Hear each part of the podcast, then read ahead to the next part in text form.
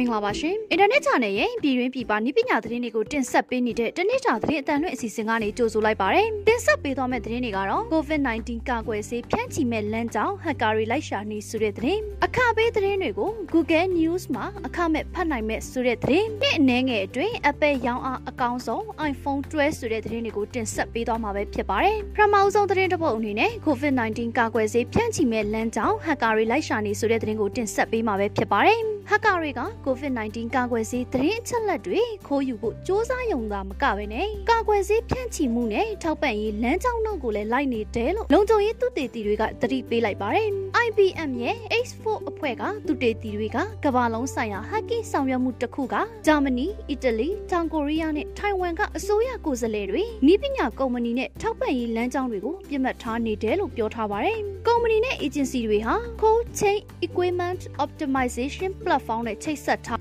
ကာကွယ်ဆေးဖြန့်ချီရမှာအကူအညီရဖို့ကာကွယ်ဆေးပူးပေါင်းရေးအဖွဲ့ Gavi နဲ့အခြားအဖွဲ့အစည်းအပြင် UNICEF နဲ့လည်းပူးပေါင်းထားပါတယ်။ Hacker တွေတိုက်ခိုက်မှုက Haya Biomedical က email အယောင်ဆောင်ထားပါတယ်။ Haya Biomedical ကုမ္ပဏီကတရုတ်ကုမ္ပဏီဖြစ်ပြီးတော့ကမ္ဘာကြီးရဲ့တစ်ခုတည်း cold chain ထောက်ပံ့မှုဖြစ်ပါတယ်။ cold chain ကတော့ Pfizer ရဲ့ COVID-19 ကာကွယ်ဆေးဖြန့်ချီမှုထဲမှာအရေးပါတဲ့အစိတ်အပိုင်းပါဝင်လာပါတယ်။ကာကွယ်ဆေးကိုအနှုတ်80ဒီဂရီဆယ်စီယပ်မှာထားရှိရပါတယ်။ Hacker ရဲ့ email အတူမှာ NDA ရှိ attachment ပါဝင်ပြီးတော့ file ကြည့်ဖို့ password တောင်းခံပါတယ်။ Hacker တွေကအဲ့ဒီ password ကိုခိုးယူသွားပါတယ်။အဲ့ဒီတိုက်ခိုက်မှုကအောင်မြင်မှုရှိမရှိဆိုတာမသိသေးပေမဲ့အနာဂတ်မှာတိုက်ခိုက်မှုတွေပုံမစိတ်လာမယ်လို့ IBM သူတေသီတွေကပြောခဲ့ပါတယ်။ဆက်လက်ပြီးအခပေးသတင်းတွေကို Google News မှာအခမဲ့ဖတ်နိုင်မယ်ဆိုတဲ့သတင်းကိုတင်ဆက်ပေးမှာပဲဖြစ်ပါတယ်။ Google ဟာသတင်းဌာနနဲ့ပူးပေါင်းပြီးတော့ဒေါ်လာ1ဘီလီယံယင်းနှိမ့်မြုပ်နှံတဲ့အစီအစဉ်အရ News Showcase အတွက်အခပေးစောင်းပါးတွေအတွက်ငွေကြေးစ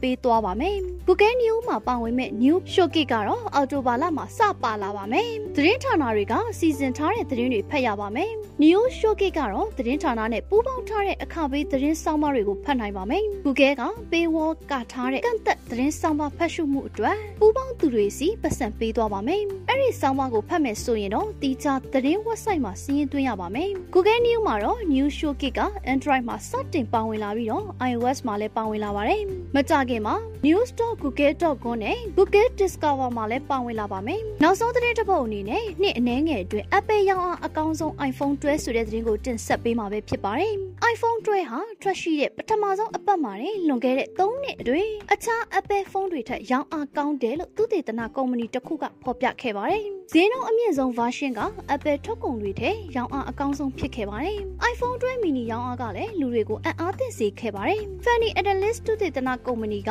mobile application တသန်းကျော်အသုံးပြုခဲ့ပြီးတော့တစ်လမှာ mobile phone 2ဘီလီယံအချက်လက်တွေကိုထောက်ပံ့ခဲ့တယ်။လူတွေက iPhone 12 series model တွေကိုစတင်ရောင်းချချိန်မှာဘယ်လိုအသုံးပြုမလဲဆိုတာကိုစောင့်ကြည့်ခဲ့ပါတယ်။ iPhone 12နဲ့ iPhone 12 Pro ကတော့အောက်တိုဘာလလယ်မှာထွက်လာပြီးတော့ iPhone 12 Pro Max နဲ့ iPhone 12 mini ကတော့နိုဝင်ဘာလလယ်မှာပဲရောင်းချခဲ့ပါတယ်။ဒီနှစ် iPhone 12 series phone ရောင်းချတဲ့ရက်သတ္တပတ်အတွင်းအသုံးပြုသူ